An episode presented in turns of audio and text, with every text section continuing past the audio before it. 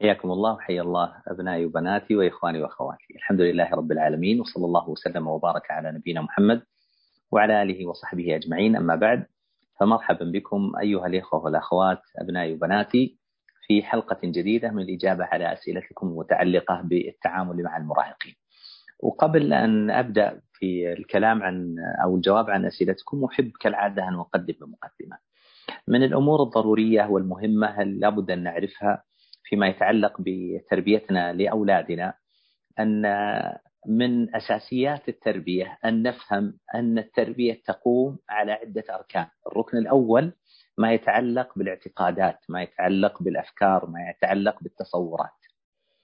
آه، الركن الثاني ما يتعلق بالعبادات، عبادة الله سبحانه وتعالى، الصيام، الصلاة، الصدقة، قراءة القرآن، الذكر إلى غير ذلك من العبادات. الأمر الثالث فيما يتعلق بأركان التربية السلوك والأخلاق الصدق الأمانة البر آه، رحمة الصغير احترام الكبير إلى غير ذلك من السلوكيات ومن الأخلاق.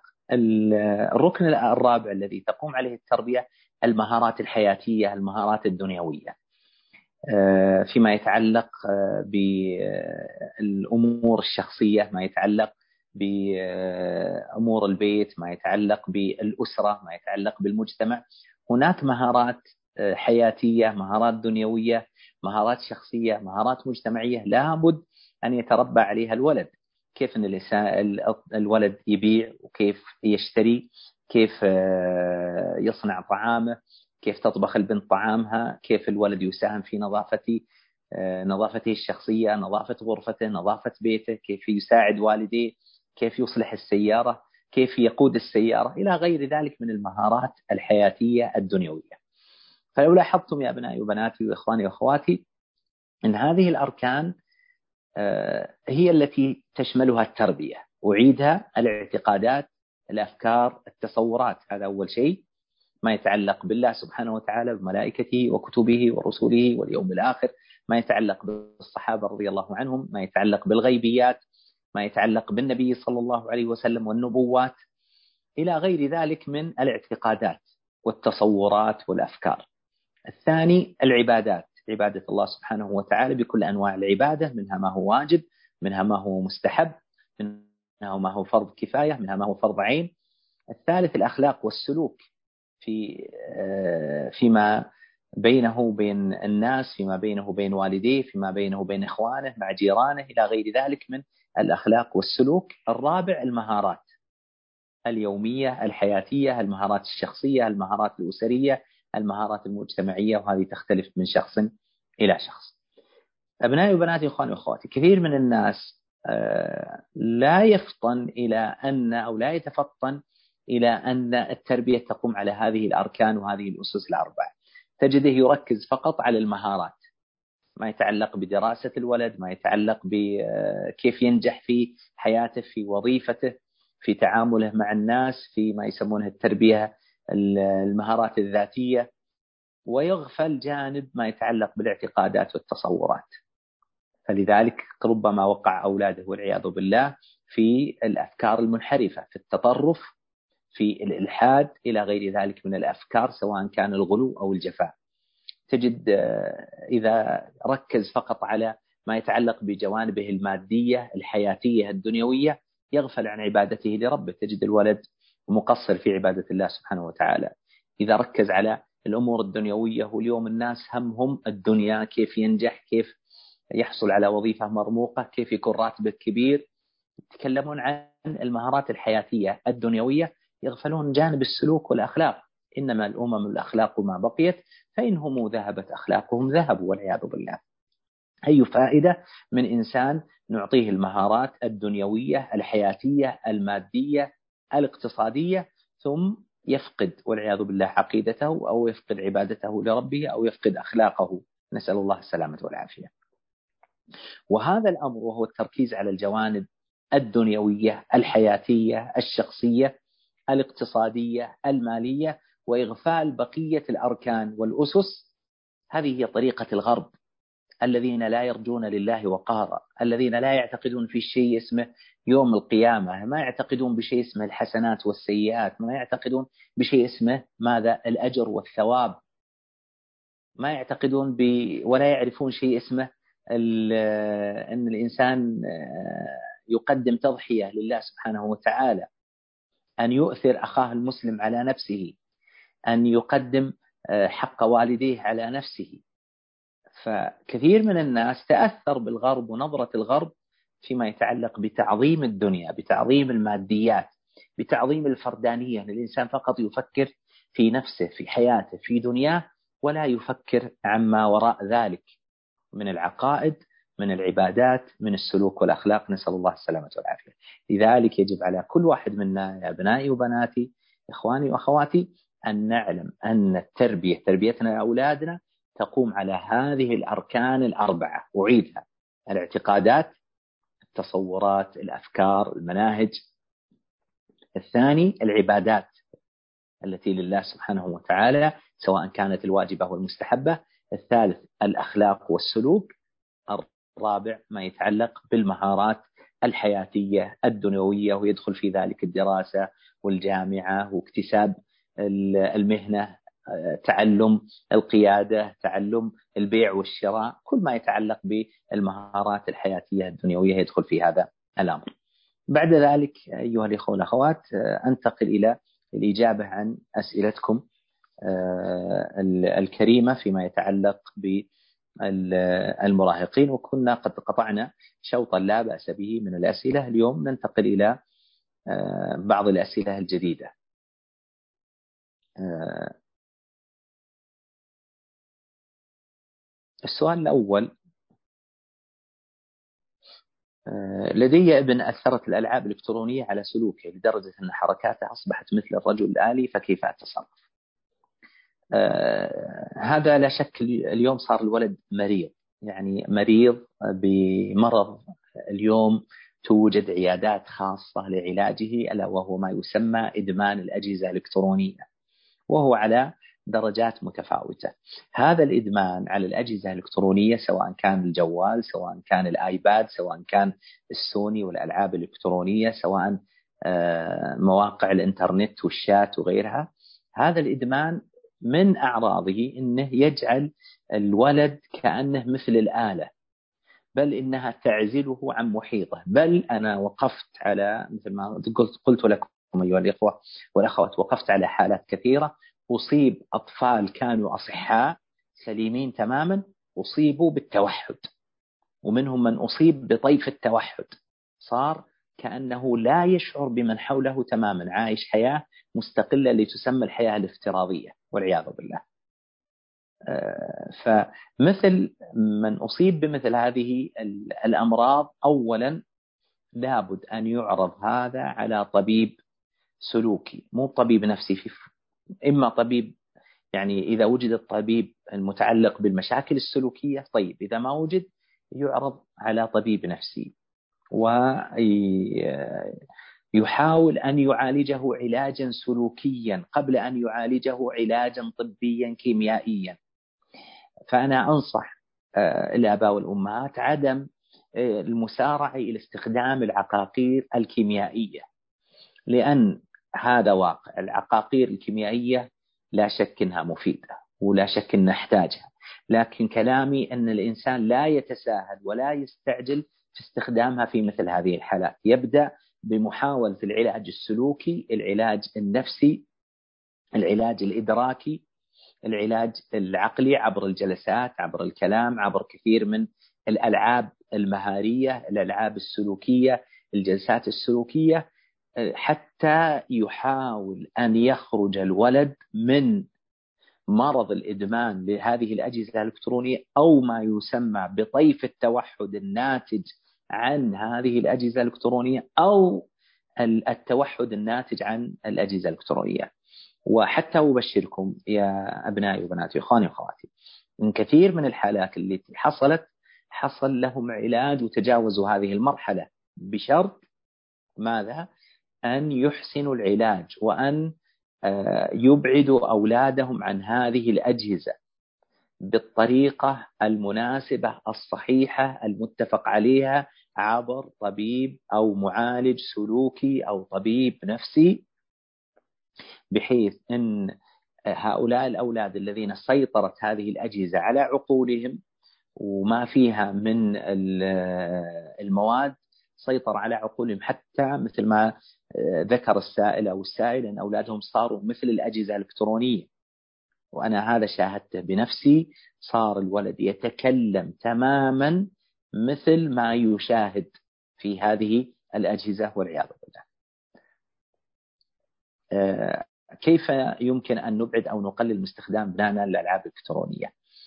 آه، هذا يمكن بعدة طرق. الأمر الأول وجود النظام والقانون. وجود النظام والقانون في البيت لهذه الأجهزة الإلكترونية. أن يكون هناك نظام يكون هناك قانون وهناك تقنين لهذه الأجهزة الإلكترونية وليست ماذا؟ وليست مفتوحة مطلقا لا سيما للأطفال الذين لم يصلوا إلى سن السابع عشرة أو الثامنة عشرة وما بعدها. ينبغي أن يكون هذا مقننا لهم بقدر بقدر الاستطاعة. الأمر الثاني أن يكون هناك إيجاد للبديل. لابد أن الآباء والأمهات يسعون لإيجاد البديل. إيجاد البديل عن طريق آه، وجود معلم مربي مربية معلم معلمة. وأقصد بالمربي والمربية ليس هو الخادمة التي تأتي من شرق آسيا أو من أفريقيا ويقولون هذه جاية على فيزا مربية. لا أنا ما أتكلم عن مربية بمعنى أنها تبعد الأولاد عن والديهم حتى لا يزعجونهم. يلا خذي الأولاد لا يزعجوننا روحي بهم معك الغرفة الأولاد. هذه ليست هذه هي التربية. المراد بالمربي أو المربية اللي يكون عندهم قدرة على تربية الأولاد على هذه الأركان. ما يتعلق بالعقيدة ما يتعلق بالعبادة ما يتعلق بالسلوك والأخلاق ما يتعلق بالمهارات. وإلا قد رأينا أن كثير ممن يأتون بفيزة مربية أو يعني يأتون بأنه معلم يمكن معلم لشيء من اللغات. أو معلما لشيء من اللغات أن هؤلاء سبب في فساد الأولاد.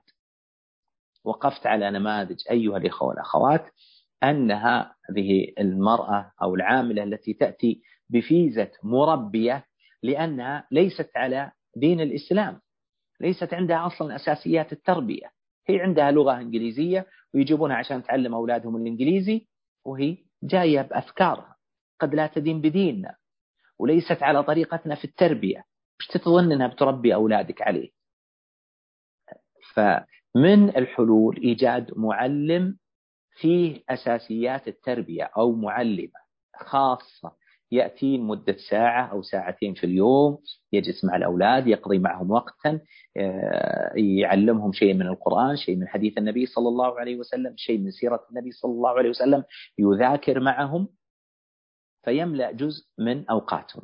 الأمر الذي يليه لابد أن نخصص جزء من أوقاتنا. في الكلام مع عيالنا أحيانا حتى نخصص جزء من أوقاتنا على الأكل. يعني بقدر الاستطاعة إذا جلسنا مع أولادنا على الأكل نحاول ماذا؟ أن نتجاذب وإياهم أطراف الحديث.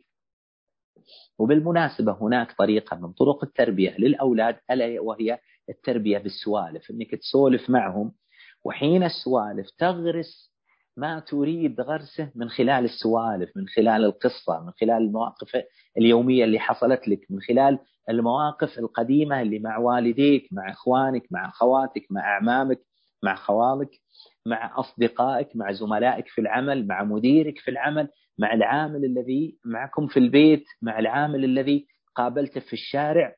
تطرح لأولادك كثير من المواقف اليومية وهذه المواقف اليومية تكون مواقف هادفة. ليست مجرد فقط سوالف لا أنت تهدف إلى أنك تطرح لهم شيء من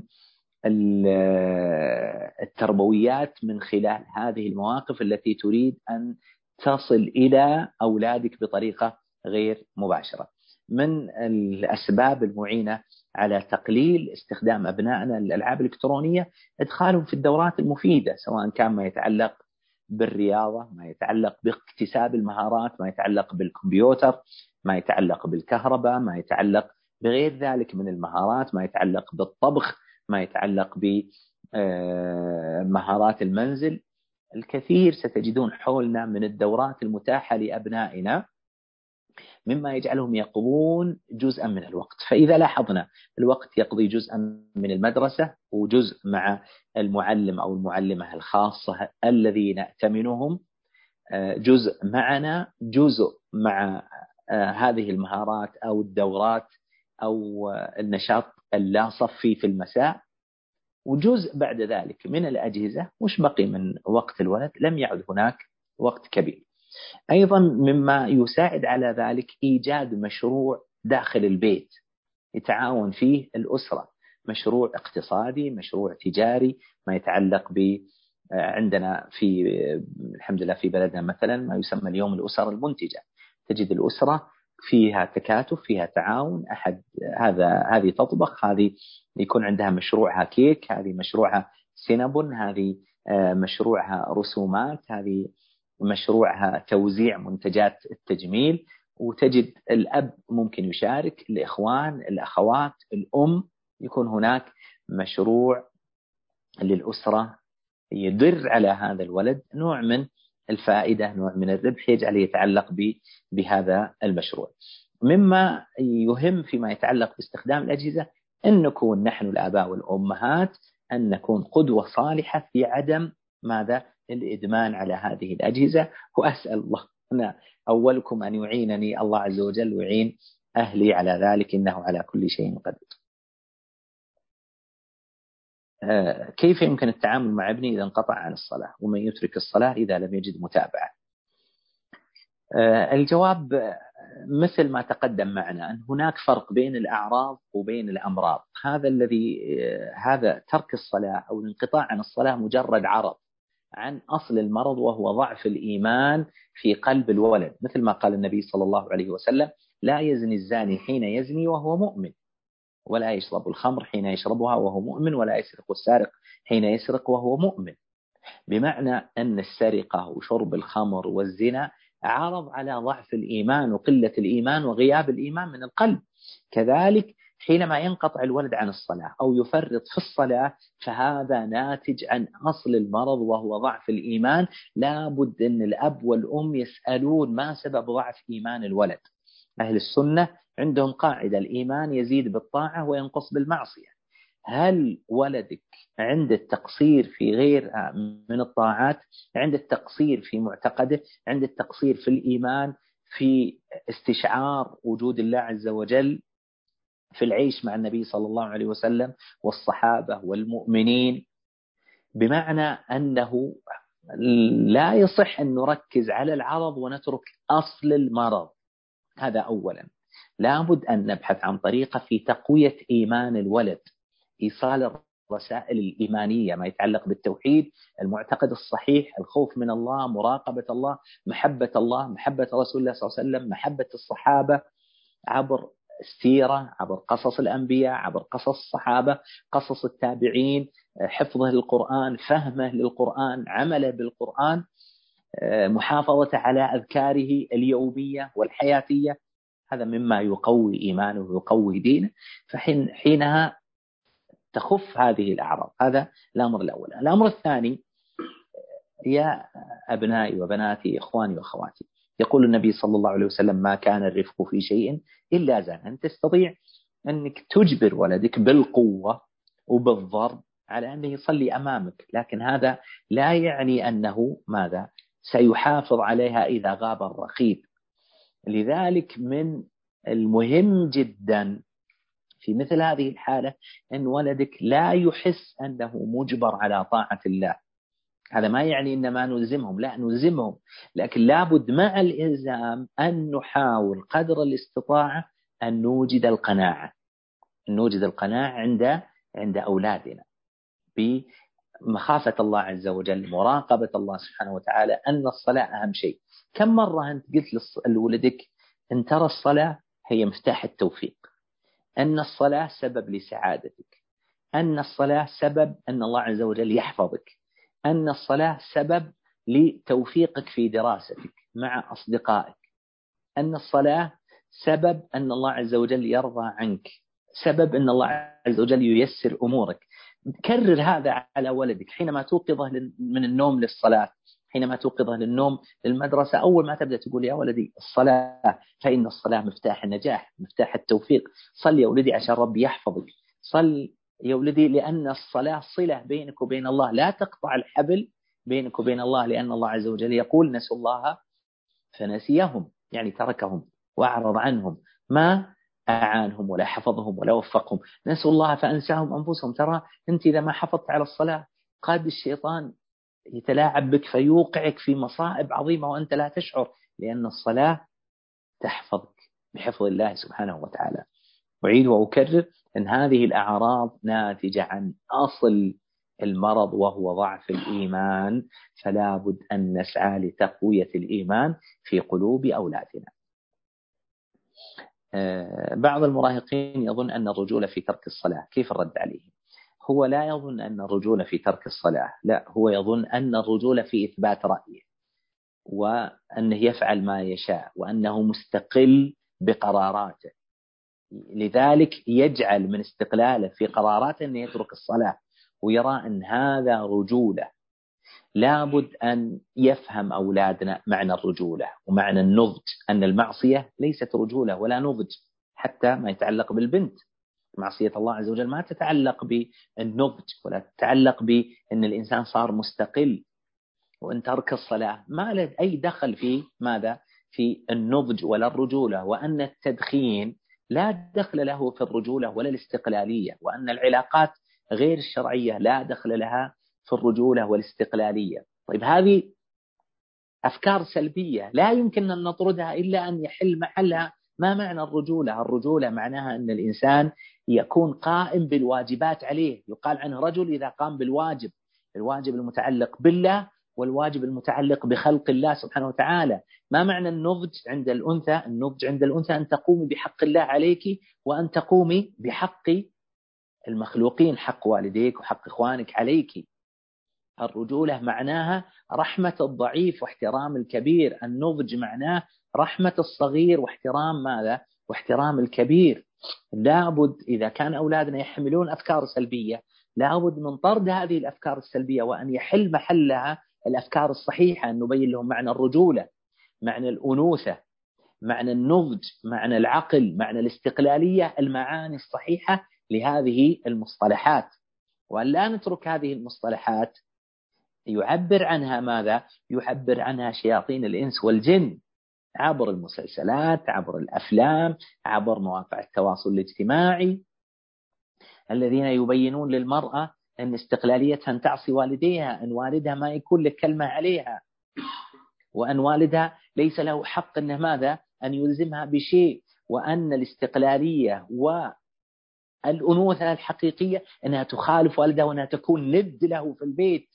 طيب هذه أفكار سلبية. طيب ما هي الأفكار الصحيحة؟ أن نربي بناتنا على أن القوامة التي في يد الرجل يد الأب أو يد الزوج أن هذا من مصلحة الأنثى.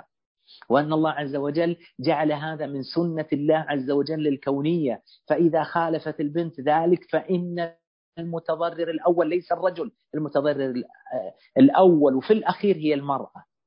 شعرت أو لم تشعر. لأن الذي يخالف سنة الله الكونية وسنة الله الشرعية لابد أن يقع عليه من العقوبات ومن الفساد ومن الشر بحسب مخالفته لأمر الله الكوني.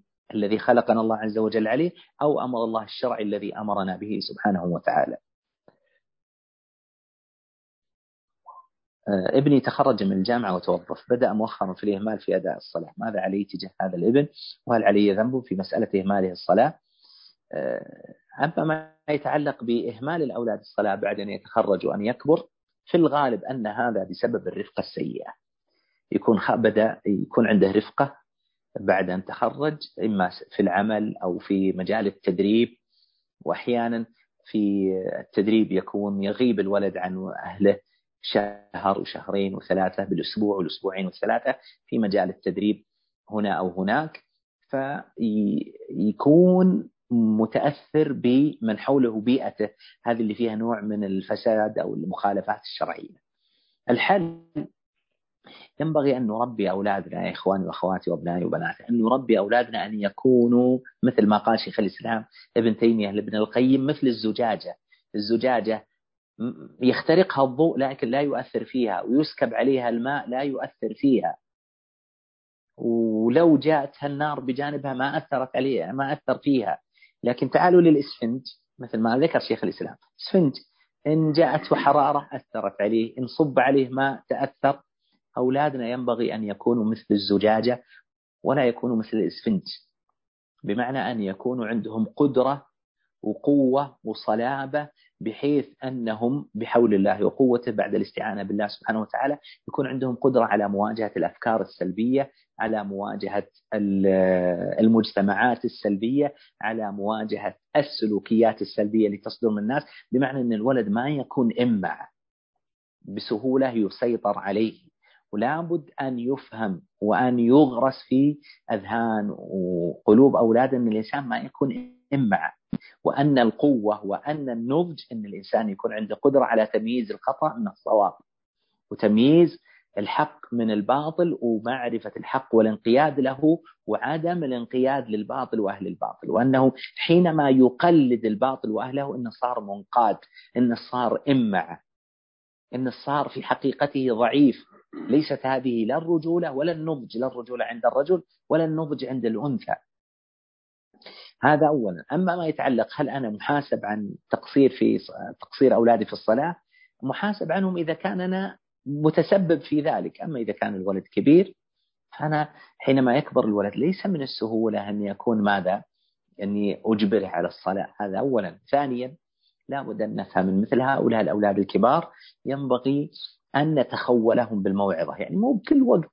الصلاة الصلاة الصلاة الصلاة الصلاة لين يزهق لين يمل لين يبغض حتى طاري الصلاة.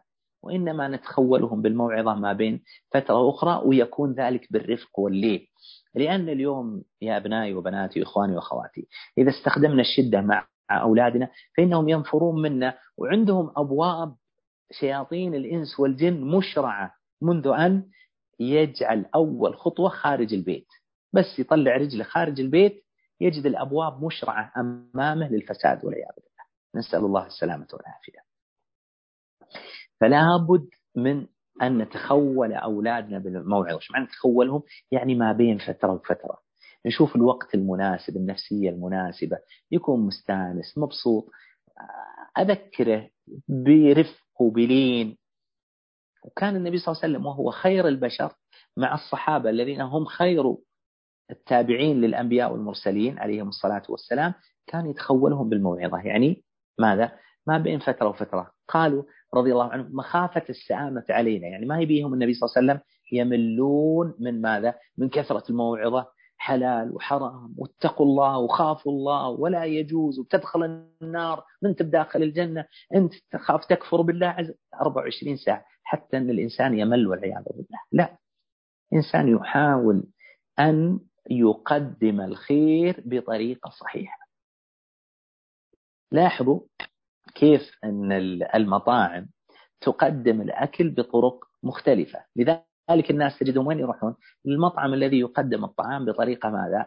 بطريقة يقبلون عليها. لكن الذي يقدم الطعام بطريقة تجعلهم ينفرون منها ما يش... ما تلقى حد إيش عند هؤلاء. فكذلك إن الله عز وجل أعطانا الخير وأعطانا الصلاح وأعطانا الهدى وأعطانا التقى وأعطانا الدين.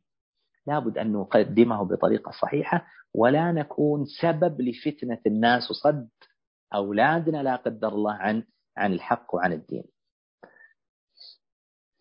آه، السؤال الذي يلي كيف أحبب ابني في الصلاة؟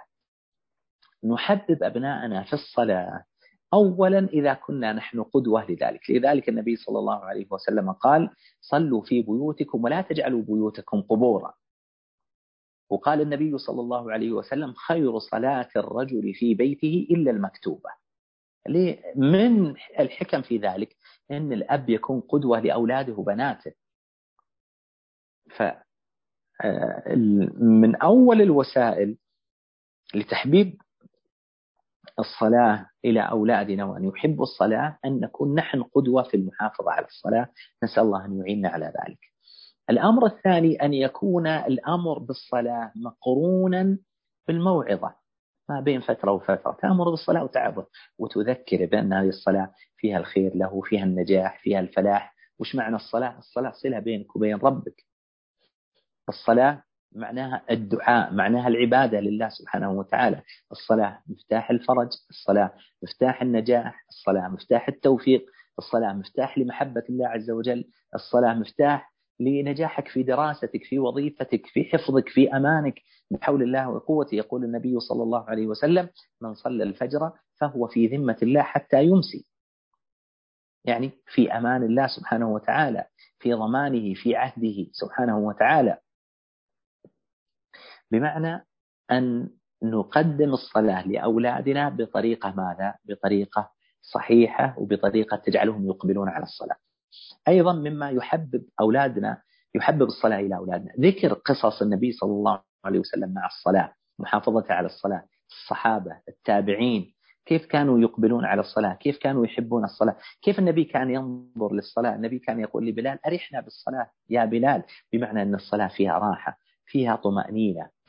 أنك تجعل ولدك يفهم ما هي الصلاة. باطن الصلاة جوهر الصلاة حقيقة الصلاة ما هي الصلاة؟ الصلاة هي تعبد لله تقرب لله تزلف لله توسل إلى الله سبحانه وتعالى أن يفهم معنى الله أكبر أن يفهم معنى الفاتحة أن يفهم معنى قصار الصور معنى سبحان ربي العظيم سبحان ربي الأعلى أن يفهم معنى التشهد معنى الدعاء في آخر الصلاة. حينما يفهم هذه المعاني يكون هذا من أعظم أسباب حبه وإقباله على الصلاة. من ذلك أنك تجعل له جائزة في محافظته على الصلاة في المسجد محافظة البنت على الصلاة في وقتها. من ذلك أنك تجهز مكان وهذا كان عند السلف أن يجعل مصلى في البيت فيه ماذا؟ كل ما يناسب الصلاة ويكون مخصصا للصلاة في البيت. هذا إذا كان هذا متاح يوجد في هذا المكان مصحف يوجد فيه آه، جلباب المرأة والبنت للصلاة. يكون بعيد عن الضوضاء ويكون بعيد عن الملهيات. آه، من أسباب يعني تحبيب أولادنا إلى الصلاة أن آه، نجعلهم يشاهدون من هو محافظ على الصلاة. بأنفسهم. يعني عندنا حولنا أناس محافظون على الصلاة. يعني مثلا عندي أنا في المسجد مجموعة من كبار السن يأتون قبل الأذان. أحيانا يأتون قبل الأذان بنصف ساعة ساعة إلا ربع بساعة حتى قبل الفجر. يوم من الأيام اكتبل الفرصة أنك أولادك يشوفون هذا المنظر كيف أن هذا الإنسان محافظ على صلاته. هذا يجعلهم ينظرون إلى هذا كقدوة لهم فيحبون الصلاة أكثر وأكثر.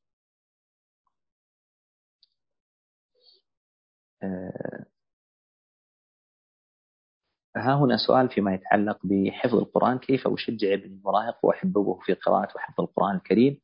وماذا أفعل إذا رفض؟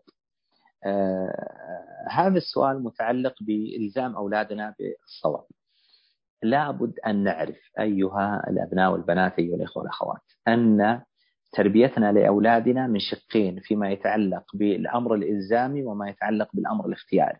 يعني أنا فوجئت بأحد الأخوات عفى الله عنها وهي تسألني تقول أنا أحاول أقنع أولدي في كل شيء. طيب قلت إذا ما اقتنع؟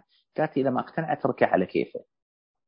طيب المدرسة قالت حتى المدرسة الصباح إذا رفض أنه يروح وحاولت بكل ما أستطيع ورفض أجعله ما يروح المدرسة. قلت أنا والله هذا شيء عجيب وغريب. آه، لابد أن نعرف آه، أن مسألة تربية الأولاد إلى مرحلة النضج لابد أن يعرف الولد ذكرا كان أو أنثى أن هناك أمور إلزامية هناك أمور اختيارية. هذه الأمور الإلزامية ليست راجعة للقناعة وإنما نحن نريد أن نقنعه حاول أن نقنعه نبذل كل ما نستطيع بإقناعه لكن هناك آه، لابد أن يعلم أنه في النهاية لابد أن يمتثل. اليوم غالب الأسر تجعل من الإلزام ما يتعلق بالدراسة. ما في غالب الأسر تجدهم أن الولد الصغير لو رفض أنه يذهب المدرسة يأخذونه بالقوة ويودونه المدرسة يخلونه يبكي لين يسكت وهكذا وهكذا حتى يق يعني يقتنع قناعة حقيقية أو يقتنع أنه ملزم بهذا الأمر وتكون جزء من حياته. كذلك ما يتعلق بتربيتنا لأولادنا ما يتعلق بالصلاة ما يتعلق بحفظ القرآن ما يتعلق قلت لكم بوجود مربي لهم لابد أن يكون هذا محاولة إقناع ما اقتنعوا تقول والله هذا لابد هذا جزء من الواجبات اليومية التي عليك يجب أن تؤديها. طيب هل معنى ذلك أن ما نحاول إقناعهم؟ لا نحاول إقناعهم عبر الهدية نحاول إقناعهم عبر الحوار نحاول إقناعهم عبر الجائزة نحاول إقناعهم عبر التحفيز المعنوي القبلة الضمة الثناء عليهم. يعني كل أنواع التحفيز المادي أو المعنوي عبر ذكر الأجور المترتبة على ذلك عبر ذكر ما يترتب على ذلك من النفع لهم في دينهم ودنياهم وأخراهم. بمعنى أني أحاول بكل ما أستطيع أني أقنع ولدي سواء كان طفلا أو مراهقا لكن لابد أن نعلم يا آبائي الكرام أمهاتي الأكارم إخواني وأخواتي أبنائي وأبناتي المقبلين على الزواج الحدثاء عهد بالزواج. لابد أن نعلم هناك في شيء اسمه قانون ونظام إلزامي في البيت من الصلاة من ما قد يكون حفظ القرآن حفظ شيء من حديث النبي صلى الله عليه وسلم. الالتزام والانضباط عند المربي حلقة تحفيظ القرآن. لابد أن يعلم الولد أنه ملزم بها وأنه لابد أن يحافظ على هذا النظام والقانون الذي في البيت. فإن اقتنع الولد بذلك فالحمد لله ما اقتنع لابد أن يكون هناك طريقة لإلزامه ويعلم أنه ملزم وأنه غير, مخير في فعل مثل هذه الأمور. ما يتعلق بالعقيدة ما يتعلق بالعبادة ما يتعلق بالسلوك ما يتعلق بالمهارات هناك لابد يعرف أن في شيء اسمه إلزام. وأنه إذا لم يلتزم أنه قد يترتب على ذلك وقوع عليه بعض العقوبات من فقدان شيء من الميزات والامتيازات مثل الحصول على جوال الحصول على الآيباد اللعب بالأجهزة الإلكترونية عدم السماح له بالخروج في آخر الأسبوع. أن يفقد شيء من يعني الشيء المعنوي ما يتعلق بالقبلة بالضمة بالابتسامة بشيء من المصروف أنه يفقده لأنه لم يحافظ على النظام والقانون في في البيت. لعل في هذا القدر كفاية نحن أكملنا ما يقارب الساعة آه، إلا ربع بقي عندنا ما يقارب من ربع ساعة تماما نجعلها آه، في الأسئلة المباشرة من الأخوة والأخوات سواء كانت صوتية أو مكتوبة. تفضل يا شيخ محمد. بارك الله فيكم شيخ الله يحفظكم يا رب العالمين. يبدو أن في بعض الأخوة رافعين أيديهم. أي تفضلوا. لا بأس المداخلات. تكون لا بأس بها سواء من الإخوة أو من الأخوات. بارك الله فيكم فيكم بارك. السلام عليكم ورحمة الله وبركاته. عليكم السلام ورحمة الله. حياك الله شيخ عزيز. الله يسعدك يا شيخنا الله يسعدك شيخ ذكرت في الواجبات أو النظام في المنزل. أن فيه واجبات إلزامية وفيه واجبات اختيارية صحيح؟ نعم. آه، طيب شيخ الله يسعدك. هل في طريقة أو قاعدة أستطيع؟ هل الذي أريده إلزامي أو اختياري؟ أو أنها راجعة للعرف أو إلى قناعة الشخص؟ أو نعم. كيف أحدد يعني هذا الشيء؟ أي الواجبات آه، منقسمة إلى ما يتعلق بالواجب الديني وما يتعلق بالواجب العرفي. وكل ما هو وسيلة لهذين الأمرين. يعني مثلا الواجب الديني وما يتعلق بالصلاة ما يتعلق ببره لوالده ما يتعلق باحترامه لوالدك ما يتعلق باحترامه للكبير ما يتعلق باحترامه برحمته الصغير ما يتعلق بنظافته من النجاسات إذا كبر الوضوء. آه، أو الغسل أو غيرها. يعني الواجبات هذا أول شيء ما يتعلق بالواجبات الدينية. البنت مثلا ما يتعلق بالحجاب يعني بعض الحريم تقول لا والله خل بنتي على كيفها. لا مو صحيح أنا أحاول إقناعها بالتي يحسن لك لابد تعرف أن هذا إلزام وأن هذا واجب يلزمها أبوها وأمها يلزمونها بهذا الواجب يحاولون إقناعها. بالتربية الصحيحة لكن يبينون لأولادهم أن الواجب الديني لابد منه. هذا الأمر الأول. الثاني الواجبات العرفية. ما يتعلق بالواجبات العرفية. مثلا كل بلد عندهم أعراف لا تخالف الشرع هي مثابة واجبات عرفية. مثلا حضور مثلا بعض المناسبات هذه تعتبر واجبات عرفية. لابد يعرف الولد أنه ملزم بذلك وتاخذه يقول أنا ما ودي لا مو على كيفك اليوم جدك عازمنا لازم تروح معنا. عمك عازمنا خالك عازمنا هذه واجبات عرفية لازم نؤديها. ما يتعلق بحضور الزواجات ما يتعلق بالعزاء ما يتعلق بعيادة المريض إلى غير ذلك من الواجبات العرفية. وسائل لتربية الأولاد يعني مثلا فيما يتعلق ب أنت تريد أنه يتربى على ماذا؟ على الخير محبة الخير القرآن. وهو صغير لازم تدخله حلقة يجي يقول لك لا أنا ما أبغى. لا لازم تحاول تقنعه. ما أبغى لازم تجبره فيما ترى أن فيه مصلحة وأن تركه لهذا الأمر يضره. لاحظ؟ ما كان في تركه له فيه مضرة متعلقة بدينه أو دنياه. فإذا وجد شيء يتعلق يكون تركه له يضره في أمر دينه أو دنياه لابد أن يعرف أن هذا إلزامي له. بقية الأمور لابد أيضا أن نجعل لأولادنا مساحة من الاختيار مساحة من إبداء الرأي الأكل أنواع. ياكل اللي يبي مو بغصب أنه ياكل نوع معين. السفرة عليها عدة أنواع. افرض أنه اختار ياكل شيء معين خليه ياخذ على راحته.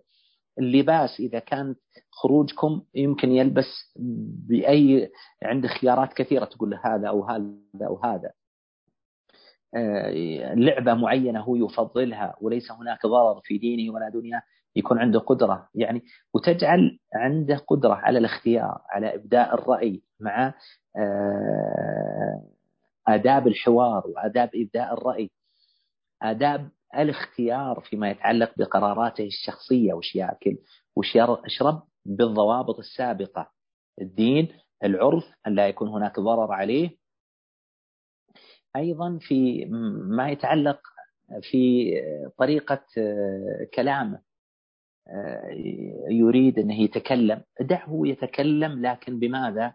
تعلمه الضوابط والحدود في الكلام. بعض الناس يقول لا تتكلم ابدا في حضرة الكبير. لا خليه يتكلم لكن استأذن خلي الكبير يتكلم استمع من الكبير لا تقاطع الكبير.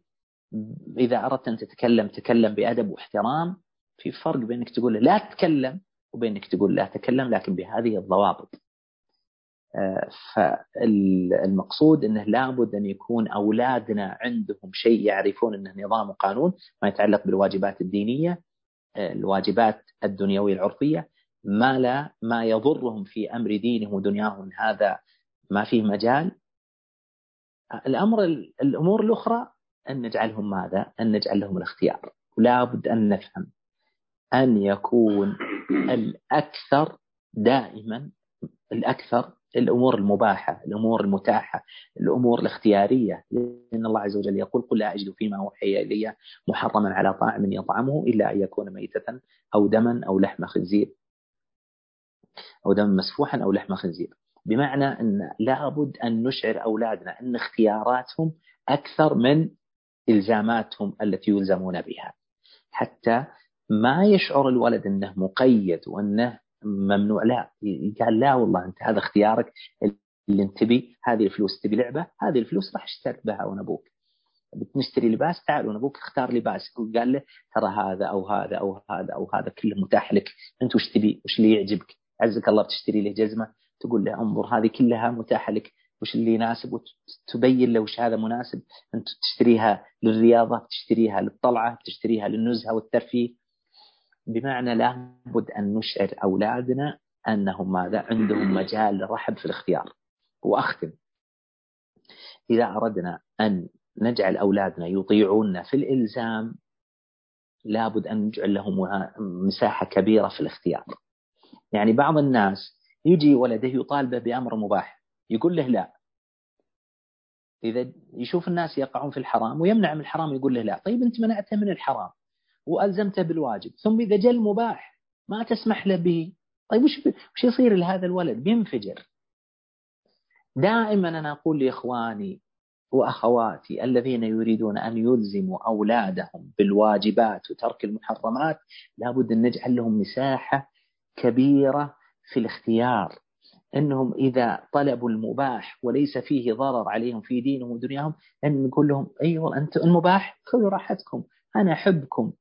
أبشروا بالذي تريدون. فيشعرون إن والدهم مو بضدهم حينما يلزمهم بفعل الواجب أو ترك الحرام. بالعكس هو يحبهم لكن ألزمهم بالواجب وترك الحرام محبة لهم بدلالة إنهم إذا طلبوا منه المباح الذي لا يضرهم إنه ماذا؟ يجعلهم مساحة واسعة في التحرك من خلاله.